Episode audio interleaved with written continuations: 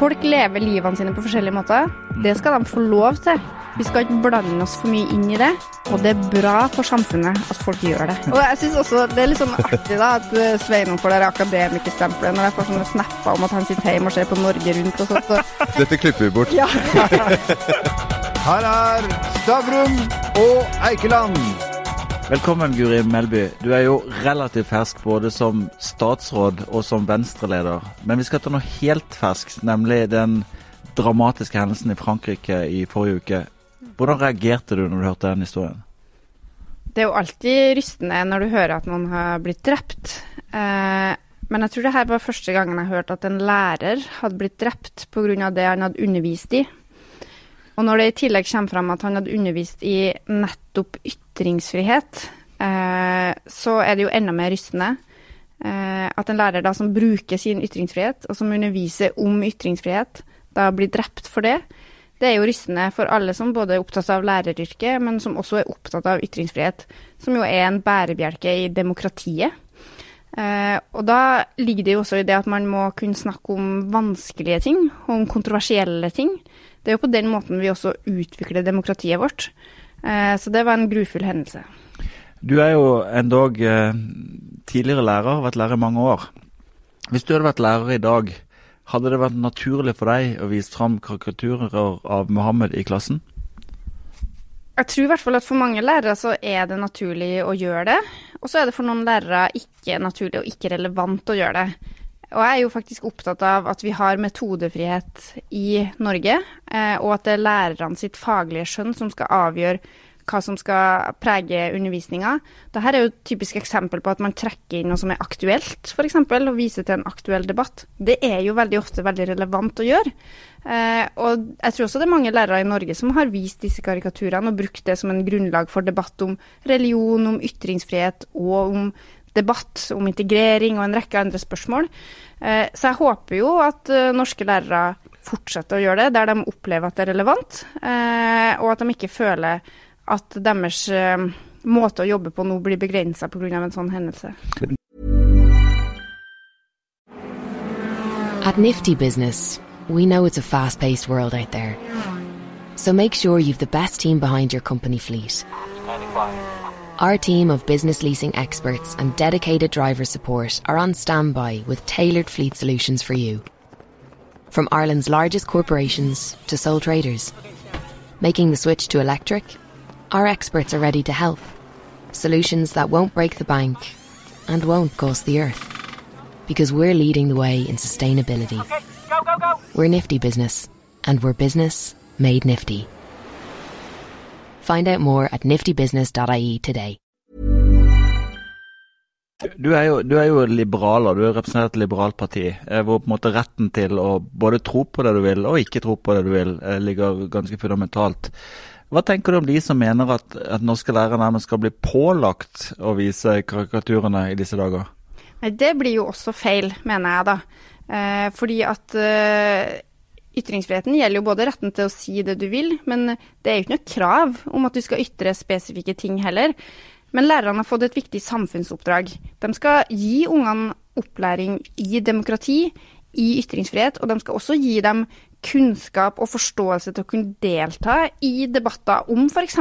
karikaturtegninger, om religionsfrihet, både nå og når de blir voksen. Men det må være opp til den enkelte lærer å finne ut av hva som er den beste måten å gjøre det på, eh, som både da er eh, noe ungene lærer av. Og Det er jo ikke noe poeng at man skal provosere bare for å provosere. Det som jeg er opptatt av, er at man ikke skal være redd for å provosere, og at det må være et rom for å gjøre det dersom det er nødvendig. Men det som skjedde i Frankrike, tror du det kan skje på, norske, på en norsk skole? Jeg tror vi skal være forsiktige med å si at det ikke kan skje, men jeg tror nok at sannsynligheten for at det kan skje her, er veldig mye mindre enn i Frankrike. Det tror jeg har noe med flere ting å gjøre. Det tror jeg har noe med debattklimaet i det franske samfunnet å gjøre, generelt. Eh, jeg tror også det har noe med måten skolen er på. Jeg tror nok at vi har en ganske mye mer inkluderende skole i Norge enn i Frankrike der flere elever opplever at de blir møtt med en helt sånn grunnleggende respekt. Og jeg tror også at er det én ting jeg har lyst til å si at norske lærere er skikkelig gode på, så er det nettopp disse temaene her. Som demokrati, som ytringsfrihet. Av, altså Vi snakker mye om internasjonale undersøkelser. Det her er jo et av de områdene der norske elever scorer helt i verdenstoppen. Så det her er vi gode på, og det er vi faktisk nødt til å hegne om. Mm. Altså, Vi har jo hatt Jan Bøhler på podkasten vår. Og en av de tingene han er redd for, det er jo det man ser i Oslo, med gjengkriminalitet og og osv. Du ser det jo også på skolen, at uh, i visse bydeler så er det jo skoler som er uh, altså det meste av innvandrerbakgrunn osv. Og, og så har du motsatt, da. Så det der er jo en utfordring som særlig Oslo, men kanskje også andre storbyer i Norge har. Og det handler jo om hvor vi bosetter oss hen, som igjen handler om økonomi. Eh, og at vi bosetter oss i nærheten av dem vi er lik. Kanskje både litt bevisst, men også litt ubevisst. Eh, og det jo en, kreves jo en veldig langsiktig politikk for å gjøre noe med det. Det handler jo om alt fra hva vi gjør i byutviklingspolitikken, hvordan vi bygger ut byen vår, hvor vi sørger for at det er mulig å skaffe seg en bolig. Eh, det jeg tror vi kan gjøre i skolepolitikken, er jo rett og slett å sørge for at man får et godt tilbud av god kvalitet uansett hvor du bor hen. Jeg er veldig skeptisk til tiltak som f.eks. bussing av elever, som jeg vet i hvert fall Senterpartiet i Oslo har foreslått tidligere, som jeg da antar at Jarl Bøhler sikkert er for nå, da. Men altså, for da, um, da mener jeg man angriper det i feil ende, da. Da tar man på en måte tak i symptomet i stedet for å gjøre noe med problemet. Da må vi gjøre noe med bosettingsmønstrene, og ikke busse elevene ut av deres nærmiljø og, vi, og tro at vi gjør ting bedre da. Jeg tror ikke det blir noe bedre for en elev å busses fra Stovner til Katta bare for å gå der. Jeg tror eh, det er mye mer grunnleggende enn sånn så, og det viktigste jobben vi kan gjøre da, er å sørge for at det finnes gode lærere f.eks. overalt, og at du får et godt tilbud uansett hvor du bor. Og sånn som jeg kjenner mange av de skolene, f.eks. på østkanten i Oslo, så gjør jo de en helt fantastisk jobb for å legge til rette for integrering, og jeg mener det er der vi må sette inn innsatsen, da. Mm. Men uh, vi må snakke om noe mye mer konfliktfullt. Eh, du skrev om masteroppgaven om dialektbruken i Team Antonsen. Kan du fortelle hva du skrev om? altså, ja, Dialekter det er jo et potensial for konflikt, det er ingen tvil om det. Eh, jeg har alltid vært veldig fascinert av det der at vi, at vi snakker forskjellig, at språk er så mye mer enn direkte kommunikasjon, at vi legger så mye annet i det. Det at jeg velger å snakke med min dialekt, og du snakker med din dialekt, det gjør vi jo for å uttrykke identitet, for å fortelle noen ting om hvor vi kommer ifra.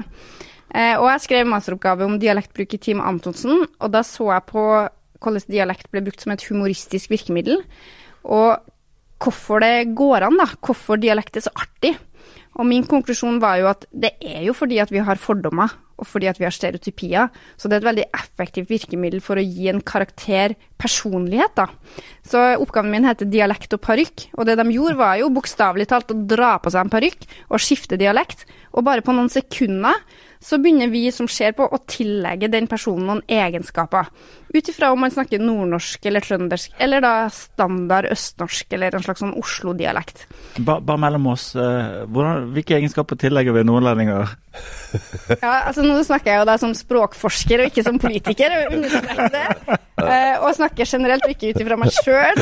Uh, Dette klipper vi bort. Ja. ja, NRK ba meg om å rangere dialekter. Det ble veldig vanskelig, skjønner jeg. Da ble det skummelt for en politiker som skal prøve å være korrekt. Men altså, ofte så blir jo folk som snakker nordnorsk Jeg tror også mye av det samme gjelder trøndersk, da, bare for å si det. Eh, man blir kanskje sett på som eh, ikke så smart, i hvert fall ikke på en sånn akademisk måte. Eh, og at man har lavere status. Men man får jo også noen positive egenskaper, tror jeg. Jeg tror nok mange eh, ser på både nordlendinger og trøndere som, som, litt mer jordnær, litt mer sånn nedpå. Kanskje litt mer sånn jovial og positiv. Litt karsk og sånn? Ja, ikke sant. Så det er alltid veldig positivt med karsk. Nei da. Ja, ja. Nei, så jeg tror vi tillegger egenskaper. Og fordommer er jo ikke nødvendigvis negativt, sånn sett.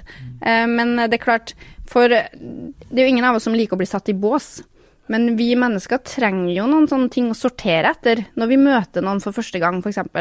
Hvordan skal du forholde deg til, her, til det her mennesket? Hva, tror du, Er det her noen det er verdt å bli kjent med, f.eks.? Da er det dialekt. Kles... Altså hva du har på deg, sånne ting er jo blant de faktorene vi ser etter, da. Hva slags fordommer er det til folk som f.eks. er fra Nordfjord og litt sånn akademiske folk i byen? Hva slags en, fordommer har vi på sånne folk? Er det tilfeldig valg? Nei, altså, jeg hevder jo da både i oppgaven min og ellers at uh, akkurat de vestnorske dialekter har kanskje en litt høyere status enn både Innlandet og Nord-Norge og Trøndelag. Eh, at det ofte er noe sånn finkulturelt med det. Tror også det har noe med litt nynorsk, at man faktisk har et skriftspråk, da. Eh, og selv om nynorsk nok ikke er like godt likt av alle, så har det nok en viss status. Og den redder du til kårene, altså. Nei, men det er noe med, altså, Du har jo alle disse flotte forfatterne som skriver på nynorsk, og du har liksom Det Norske Teatret, og det er liksom noe litt intellektuelt over det. Så jeg tror nok Nordfjord er noe mer intellektuelt uh, enn Trøndelag, i hvert fall. da, da, da Trygve Slagsvold Vedum tok over i Senterpartiet, så hadde han en måling på 4 mm. Nå har han firedobla partiet. Du, din første oppgave er å sørge for at Venstre kommer over sperregrensa. Mm. Hvordan skal du klare det? Ja, vi hadde måling på ca. 4% vi òg nå, da, så det kan jo være noe å strekke seg etter. Uh, jeg mener jo at Venstre har et veldig stort potensial. Jeg tror det er mange velgere som er ute etter et uh, liberalt, borgerlig, grønt parti eh, som evner å få gjennomslag for politikken sin, og som eh, søker å finne pragmatiske, gode løsninger, men som likevel er tydelig i klassiske prinsipielle spørsmål. Eh, jeg tror det viktigste for oss nå er å fokusere på hovedsakene våre og vise at vi har svaret på de store utfordringene det å løse klima- og naturkrisa, det å skape de nye jobbene som tar oss gjennom den omstillinga vi må gjennom. Og det som jo jeg kanskje brenner aller mest for som kunnskapsminister, da, det å gi alle barn og unge like muligheter gjennom en god skole. Og så må vi vise fram hvordan den politikken betyr noe i hverdagen til folk. Og sånn, Et lite eksempel. Jeg har vært i veldig mange debatter som handler om likestilling, om fordeling av foreldrepermisjon og sånn. Da ser vi at noe som skjer nå, det er at mange må ta ulønna permisjon. Eh, noen hevder at det er eh, pga. måten vi har ordna foreldrepermisjon på. Jeg mener det er fordi at du ikke har rett til barnehageplass med en gang den foreldrepermisjonen er ferdig.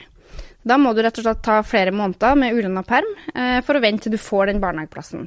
Og det er et sånt hverdagsproblem for mange småbarnsfamilier, som kanskje ikke dere tenker på lenger nå, når man er liksom ferdig med den perioden. Men uh, Er vi så gamle? Hallo! Jeg håper jeg er ferdig med den. Nei, men uh, det er sånne ting som jeg mener som vi må vise fram at vi er opptatt av.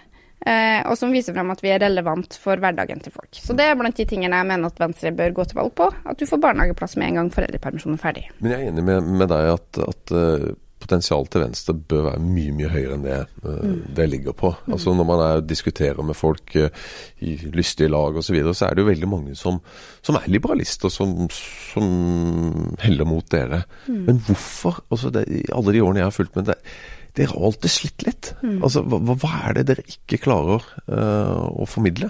Mm. Nå har vi jo Vi er jo egentlig inne i en sånn relativt god periode for Venstre. Og må huske på det at eh, selv om vi har hatt perioder med dårlige målinger, så har vi ei stortingsgruppe med åtte stykker. Vi gjorde et stortingsvalg sist på 4,4 eh, Vi har fire statsråder i, som sitter med departement på kanskje hovedsakene til Venstre. Eh, og vi har jo nå over en veldig lang periode faktisk greid å holde oss over sperregrensa i stortingsvalg. Men det er klart at jeg ønsker, og jeg mener også at Venstre bør være større enn som så, hvis vi skal få gjennomslag for politikken vår. Jeg tror nok eh, noen ganger så kan det jo kanskje være forsterkende i seg sjøl at et parti ikke er så stort. Eh, vi ser jo ofte at velgerne går til de største partiene, eh, men det er kanskje noe som er i ferd med å endre seg litt. Vi ser jo at partistrukturen nå blir endrer seg litt, og at partiene er jevnere i størrelse. Det er ikke sånn at Arbeiderpartiet og Høyre er liksom veldig mye større enn de andre. Det blir flere som blir mellomstor. Jeg tror det gir et rom for et parti som Venstre. Så det er klart at eh, for et parti i sentrum så eh, kan det jo alltid være en fare for at vi ikke oppfattes som tydelig nok. Og Det tenker jeg er en av hovedoppgavene mine, i hvert fall. Å vise fram at det går an å være tydelig selv om man finner en eh, mellomløsning. Mm. eh, og jeg tror veldig mange velgere faktisk er der, at man er ikke på ytterpunktet. Jeg syns et godt eksempel på det, det er den debatten vi har om privatisering eller ikke. Der vi ser at venstresida prøver å dra opp et sånt skremmebilde av noen sånne velferdsprofitører som bare er opptatt av å maksimere profitt. Um, mens jeg tror de fleste av oss ser at du, de som driver denne private barnehagen, de, har jo funnet, de gir jo et kjempebra tilbud til mine barn. De som driver dette sykehjemmet her, de har bidratt til å utvikle sykehjemmene som gjør at vi får høyere kvalitet. Og jeg tror de fleste av oss faktisk også tåler at det finnes noen som tjener litt penger på det. Så jeg er opptatt av en sånn pragmatisk løsning litt i midten. Selvsagt skal vi ha gode offentlige tjenester. Vi ønsker oss offentlige sykehus. Vi vil ha en offentlig skole som er gratis og tilgjengelig for alle. Men vi syns også det er greit at det finnes valgfrihet, at det finnes aktører som utfordrer det offentlige litt. At ikke staten og kommunene skal ha et sånt monopol da, på å drive ulike tjenester. Så jeg tror mange velgere egentlig er der, så vi må bli flinkere til å vise fram at da er Venstre løsninga for dem. Jeg skulle tro at demografisk så har Venstre en unik situasjon nå. altså sånn med 4,3 millioner i nordmenn bor i by. Eh, liberale verdier på en måte vinner. vinner. Folket har høy utdannelse. Frankrike med Macron, eh, som kanskje ble oppfatta, i hvert fall han ble valgt som en form for venstrepolitiker i Frankrike, som allikevel fikk rent flertall. Altså, er det ikke sånn at Venstre kunne blitt et 30 %-parti? Jeg har i hvert fall trua på at Venstre kan være et stort parti. og jeg har jo vært med og stilt valg her i Oslo. Her har jo Venstre gjort gode valg både lokalt og i stortingsvalg, opp imot 10% og som har gjort at vi har fått betydelig innflytelse da, på den utviklinga som byen har hatt. Og jeg tror det som vi lyktes med i Oslo, som jeg er opptatt av at vi skal få til overalt, det er å vise frem at vi nettopp er et parti eh, som er opptatt av de sakene folk bryr seg om i hverdagen sin. Her har vi profilert oss veldig sterkt på byutviklingspolitikk, på kollektivtransport. Altså, eh, det er litt interessant å tenke på den, alle de som har bodd i Oslo i mange år. Eh, for det er lett å ta de tilbudene vi har i dag for gitt. Nå er det jo sånn at uh, altså skal du reise kollektivt Må huske på munnbind forresten i disse dager. Men skal du reise kollektivt, så, så trenger ikke du å sjekke liksom, tabellen, og du trenger ikke å se på klokka. De fleste bare går ut, og så dukker det opp en buss eller en trikk. For 20 år siden det var ikke sånn i Oslo. Da gikk du rundt med en sånn massiv rutetabell, og det var helt sånn umulig å finne ut av. Og det gjorde at mange valgte å ikke reise kollektivt. Og det har jo vært en bevisst politisk satsing for å få til det det betyr noen ting i hverdagen til folk. og Det tror jeg Venstre her har greid å vise fram at vi har vært med på. Men MDG de har jo kommet inn for sidelinja de siste ti årene og, og, egentlig gjort det superbra. Og egentlig tatt litt over fra dere når det gjelder uh, miljø. Uh, altså, hva er det de gjør som ikke dere gjør? Um, Altså Nå er jo jeg veldig glad for alle partier som engasjerer seg i miljø. Jeg tror det er bra da, for å oppnå det som faktisk er målet vårt, å løse klima- og miljøkrisa. At det er flere partier som både er engasjert i det, som ønsker å få til noe. Jeg tror det bidrar til å både få flere velgere opptatt av det, og bidrar til at vi kan få flertall for løsningene våre. Eh, og så skal jeg være forsiktig tror jeg, med å analysere hvorfor ett parti gjør det sånn, og hvorfor vi gjør det sånn. Det tror jeg valgforskerne skal få lov til å svare på. Det som jeg er opptatt av å vise fram, da, det er jo at uh, vi i Venstre vi er jo faktisk med å lykkes med å kutte utslipp. Det gjør jo ikke venstresida som nå da sitter i byrådet i Oslo. Der har utslippene gått opp, mens vi nasjonalt nå har kutta i utslipp fire år på rad. Og det er ikke noe som har skjedd av seg sjøl. Det har faktisk krevd en ganske langsiktig satsing på mange tiltak som noen av dem har vært upopulære, noen av dem har vært omstridt, men det handler om å stå i det over tid. Og jeg tror kanskje at vi i Venstre noen gang har blitt litt straffa av velgerne for det. At vi har stått i noen konfliktfylte kamper over tid. Eh, og jeg håper jo at velgerne belønner oss for det på sikt, da, når man ser at politikken faktisk gir resultater. For det gjør den jo. Men helt ærlig, er du ikke litt misunnelig? Altså, du, du, var jo miljøvern, miljø- og samferdselsbyråd i Oslo og bestilte, eller i hvert fall var med å bestemme at vi skulle kjøpe trikken. Men det er jo Lan Marie Berg som får all kjeften. Du, du fikk litt kjeft du òg, men hun får jo mye mer kjeft enn deg. Ja, hun får mye mer kjeft enn meg, men altså ja, Jeg tror det var nesten sånn siste dag på jobb som byråd i Oslo at vi sørga for å få signert uh, saken om at Oslo skulle kjøpe 87 nye trikker. Og jeg var jo på lansering av den nye trikken uh, eh, forrige uke. Og jeg skal innrømme at jeg skulle ønska det var jeg som hadde stått der og klemt den trikken. Men sånn er politikken. Eh, nå er det jeg som får lov til å være med på andre ting i regjering i stedet. Eh, og altså For at de klimatiltakene vi satte i gang i Oslo skulle lykkes, så er det jo viktig at de faktisk har blitt fulgt opp. Og jeg har lyst til å gi skryt til byrådet f.eks. For, for at de har fulgt opp en sykkelsatsing. Det er også kontroversielt og krevende. Det er ikke alle som er like glad for å miste parkeringsplassen sin, eh, men eh, det er viktig å gjøre det. Hvis du skal endre en by, så må du noen gang stå i noen kontroversielle kamper. Og det gjorde jeg sjøl, og det har også dagens byråd gjort, og det syns jeg egentlig han fortjener litt ros for. Ja, Du kjørte jo på Thereses gate, men, Ja. men, men eh, nå er det jo på Gyldenløves gate, som er den store med Ja. Fabian osv. Men, men de bruker jo mye pisk, MDG. Mm. Altså de er, mens vårt inntrykk er litt mer at dere er litt mer diplomatiske og litt sånne ting. Men det kan jo tyde på at det å bruke pisk kanskje er det som uh, får velgerne. Vil du bli mer konfronterende enn det Trine Skei Grande var? Altså For meg så betyr det mest at vi får resultater. Eh, og når vi nå sitter i regjering, og vi bruker da mye gulrot, og vi faktisk opplever at vi kutter i utslipp, så ser jo jeg ingen grunn til å endre på den politikken. Eh, det er kanskje det som er Venstres skjebnerist, at vi er litt for lite populistiske noen gang. Men altså, jeg Altså, det her er Det å være politiker, det kan være en ganske tøff jobb. Du står i tøffe debatter, du bruker mye tid. Og grunnen til at jeg gjør det, er jo for at jeg har et grunnleggende engasjement for samfunnet. Og f.eks. det å ta vare på miljøet vårt, det å greie å kutte i utslipp, det å sørge for at mine barn får de samme frihetene som det jeg har opplevd, det er kanskje noe av det som motiverer meg aller mest. Eh, og da tror tror ikke jeg skal endre på noe politisk prosjekt for å få velgere, da, da får det heller være. Men og da ser vi jo f.eks. Jeg mener jo elbilpolitikken trekkes ofte fram som et eksempel på gulrot. Men det er jo faktisk en kombinasjon av gulrot og pisk. For det vi ofte glemmer å si, og det er kanskje bevisst at vi politikere glemmer å si det, er jo at grunnen til at elbilpolitikken har lyktes, er jo for at Norge har ganske høye bilavgifter i utgangspunktet. Altså vi, det koster mye å kjøpe seg en ny bil i Norge, og det syns jeg er riktig at det skal gjøre. Og det betydde at eh, når vi da hadde en mulighet til å satse på nullutslippsteknologi, så ga det oss en stor mulighet til å belønne det å ta det miljøvennlige valget. Og det har folk gjort. Altså det er jo helt Det er jo et sånn eventyr. Eh, nå er det jo eh, sikkert minst halvparten av alle nye biler som selges, er elbiler. Og det eksploderer jo i takt med at den teknologiske utviklinga endrer seg. og Altså, Da jeg kjøpte min elbil, jeg tror det begynner å bli fem år siden, nå en sånn Leaf, da måtte man fortsatt være litt idealist for å kjøpe seg elbil. Eh, Den bilen, altså når jeg må lade fem-seks ganger når jeg skal kjøre til foreldrene mine i Trøndelag, så da må, da må du ha litt engasjement for det. Men i dag trenger man jo ikke å være idealist for å kjøpe seg en nullutslippsbil, og det tror jeg er helt nødvendig hvis vi skal få til det her grønne skiftet som vi trenger. Ja, fortsatt. I, I dag kjører du vel sånn svart statsrådbil når du skal besøke disse eh, familiene. Nei, vet du, Nå har vi så strenge restriksjoner at du får ikke lov å ha med noen barn i de bilene, så da må jeg fortsatt ta livet, altså. Men jeg syns du er litt selvkritisk når du sier at ikke du eh, er populistisk. For at du, du foreslo at de norske eh, pelsdyrbøndene skulle begynne med cannabisdyrking. Det var jo et friskt utspill. Ja, den der har bitt meg litt. Altså. Det er sånn et par sekunders eh, uten å tenke seg om, så får du plutselig en sånn overskrift som henger igjen. Ja, det var jo tydeligvis ikke så populært, så da tenkte jeg at jeg kunne legge bort det. Ja, nei, eh, det var den dere gangen jeg skulle ha ønsket at jeg hadde sagt ingen kommentar, vet du det? Ja. Ja, Men dere er jo for eh, legalisering av, cannabis, er det ikke?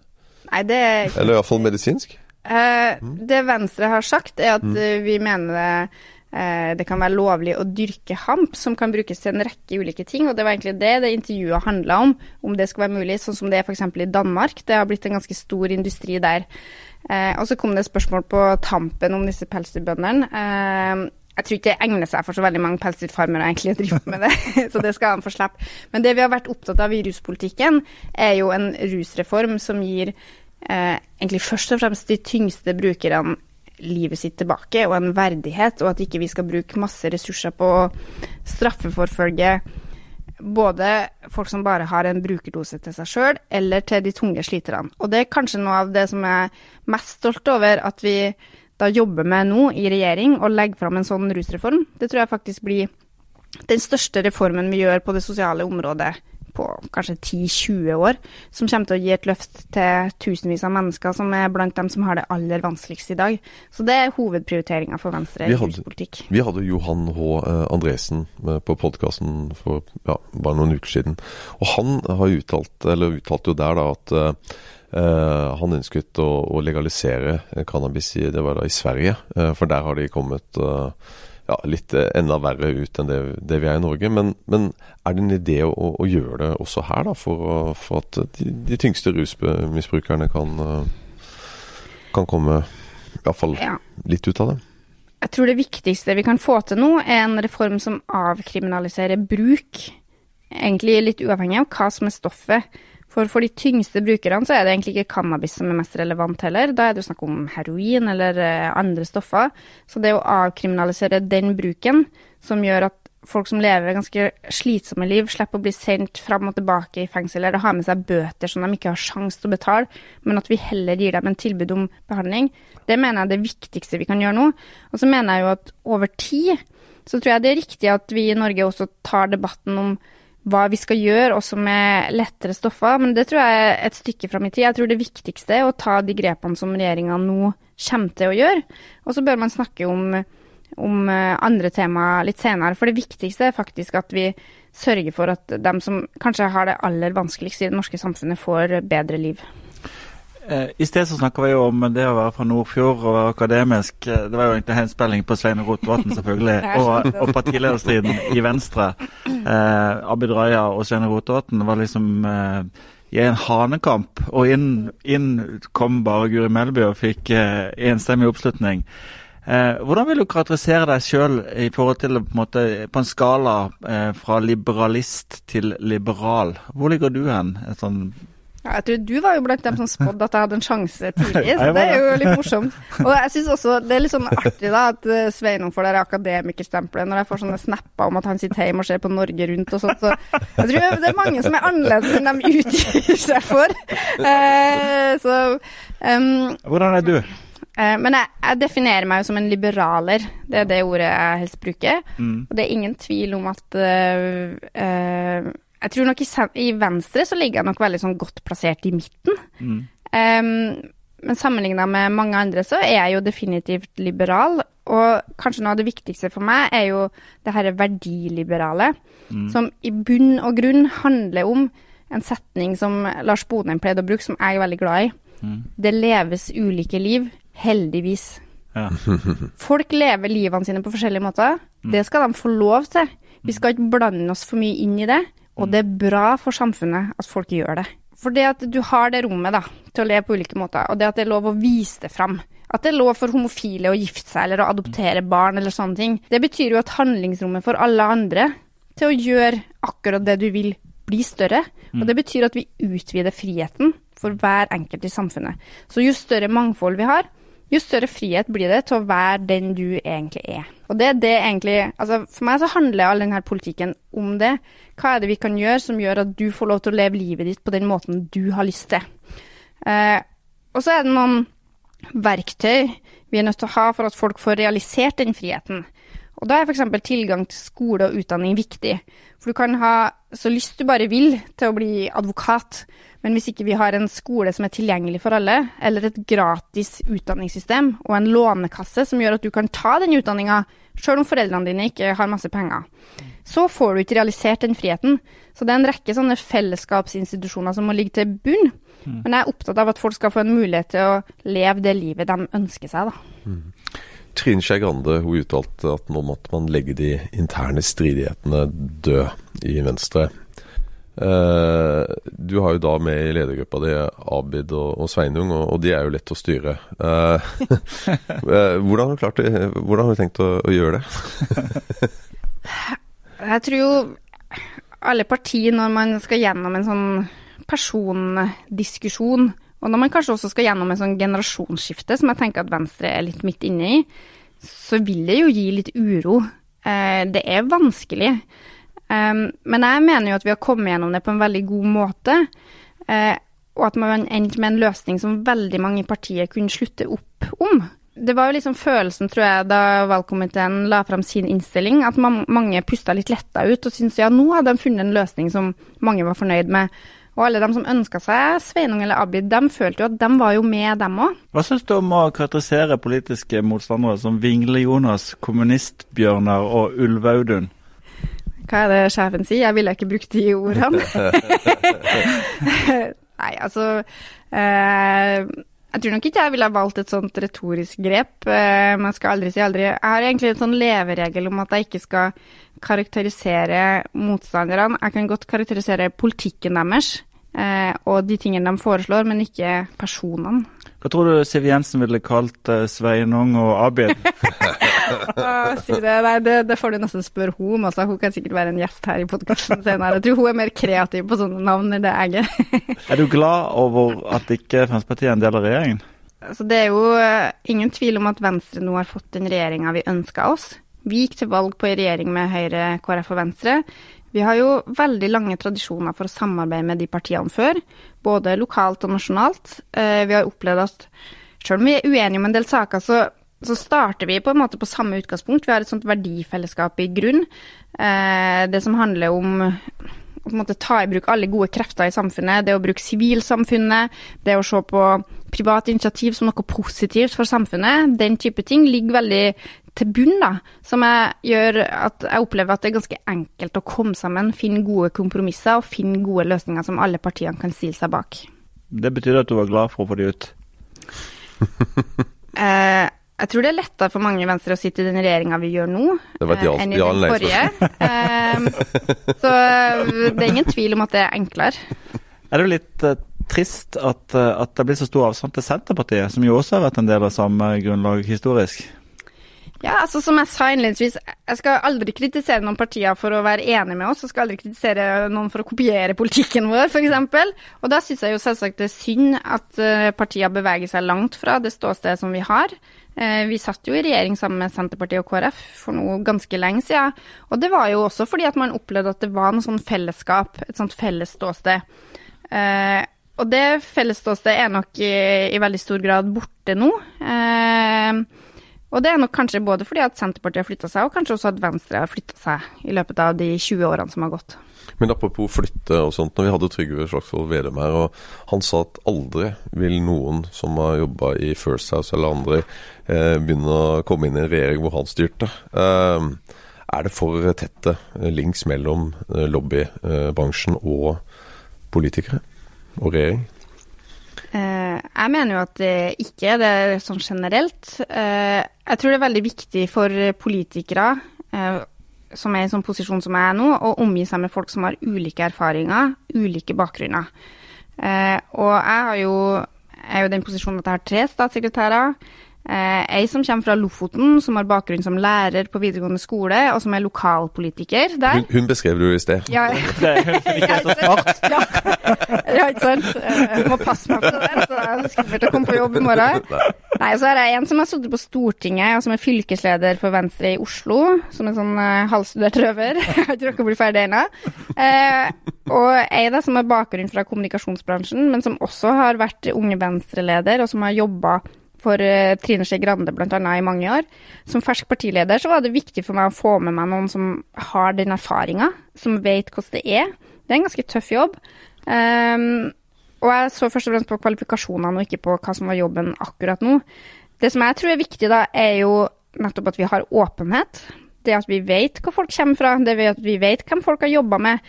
Det gjelder jo ikke bare i kommunikasjonsbransjen, det gjelder jo i andre ting òg. Eh, så det er jo litt interessant hvis eh, Vedum ønsker seg yrkesforbud for én bransje, da, for å bli politikere. Om alle andre bransjer er helt ok. Er det helt ok? Altså, la oss si hvis Ola Borten Moe skulle bli utpekt som olje- og energiminister i eh, en regjering som Vedum sitter i. Er det helt greit med de bindingene han har til oljebransjen? Altså, tenk, hvis en, tenk, hvis en, bonde skulle bli landbruksminister? ja, for eksempel. Det er den lærende kunnskapen. kunnskap. ja. ja. Nei, så altså, jeg tror som sagt åpenhet er viktig. Um, og det, selvsagt må man jo alltid diskutere liksom, habilitet og sånn i spørsmål. Og vi må tåle debatt om hva slags bakgrunn folk vi henter inn har, og det gjør vi også. Men jeg ønsker ikke meg noe yrkesforbud fra én bransje, det tror jeg er veldig synd. Men for at Erna og, og regjeringa skal, skal, klare også å være en regjering etter neste valg, så er det klart at man er avhengig av at Venstre og KrF klarer å få over 4% Hva er det Erna, for nå regner jeg med at du og dere tre partiledere har, har, snakket litt sammen. Hva er det hun har lovt Venstre for at dere skal klare å holde den komme over 4 Nei, hun trenger ikke å love noe spesielt. Hun trenger bare å la oss få gjennomslag for de viktigste sakene våre jevnt og trutt. Og det syns jeg jo hun gjør, da. Nå har vi lagt fram et uh, kjempegrønt statsbudsjett og med en helt massiv satsing på utdanning som vi ikke har sett sidestykke av uh, tidligere. Eh, og der vi ikke minst satser på innovasjon og på nye arbeidsplasser. Så jeg tror det viktigste Erna kan gjøre for oss, er at vi får gjennomslag for både skolepolitikken vår, miljøpolitikken vår, for rusreform og for alle de andre tingene som vi er opptatt av. Så skal jeg gjøre det jeg kan for at vi kommer over 4 også. Bare et siste spørsmål som jeg er helt sikker på at både Ole og meg lurer veldig på. Det er hva slags uh, forferdelige Nå ble jeg veldig spent. Hva slags forferdelige fordommer har folk mot folk som er fra Sørlandet? Ja, du er liksom tilbake der igjen, på Team Antonsen. Altså, eh, sørlendingene var jo de første som ble liksom hengt ut da, av Pål Tufte Johansen og Harald Eia. Eh, med den her drømmeserien fra Tusen på tusen, Ja, ja, ja. Um, og opplevde kanskje å leve under det åket i mange år. Så det var jo fint at nordlendingene og trønderne kunne ta over da, etter Team Antonsen. Um, men jeg tror jo sørlendingene har vel vist at de har greid å bryte de fordommene, har ikke man det? Og gått litt bort fra det trauste sørlendingen og blitt uh, litt mer spennende. Dette er veldig bra. Dette er bra.